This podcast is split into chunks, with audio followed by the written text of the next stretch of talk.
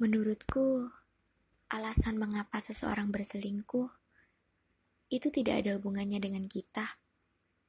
Itu adalah tentang mereka sendiri dengan segala keterbatasannya. Tak peduli jalan yang mereka hadapi, tetap itu urusan mereka sendiri. Karena bagiku selingkuh adalah keputusan pribadi. Tidak, bukan kita yang kurang. Bukan kita yang salah hingga membuat mereka berpaling. Mereka hanya selalu merasa kurang. Itulah mengapa mereka selalu menginginkan yang lebih.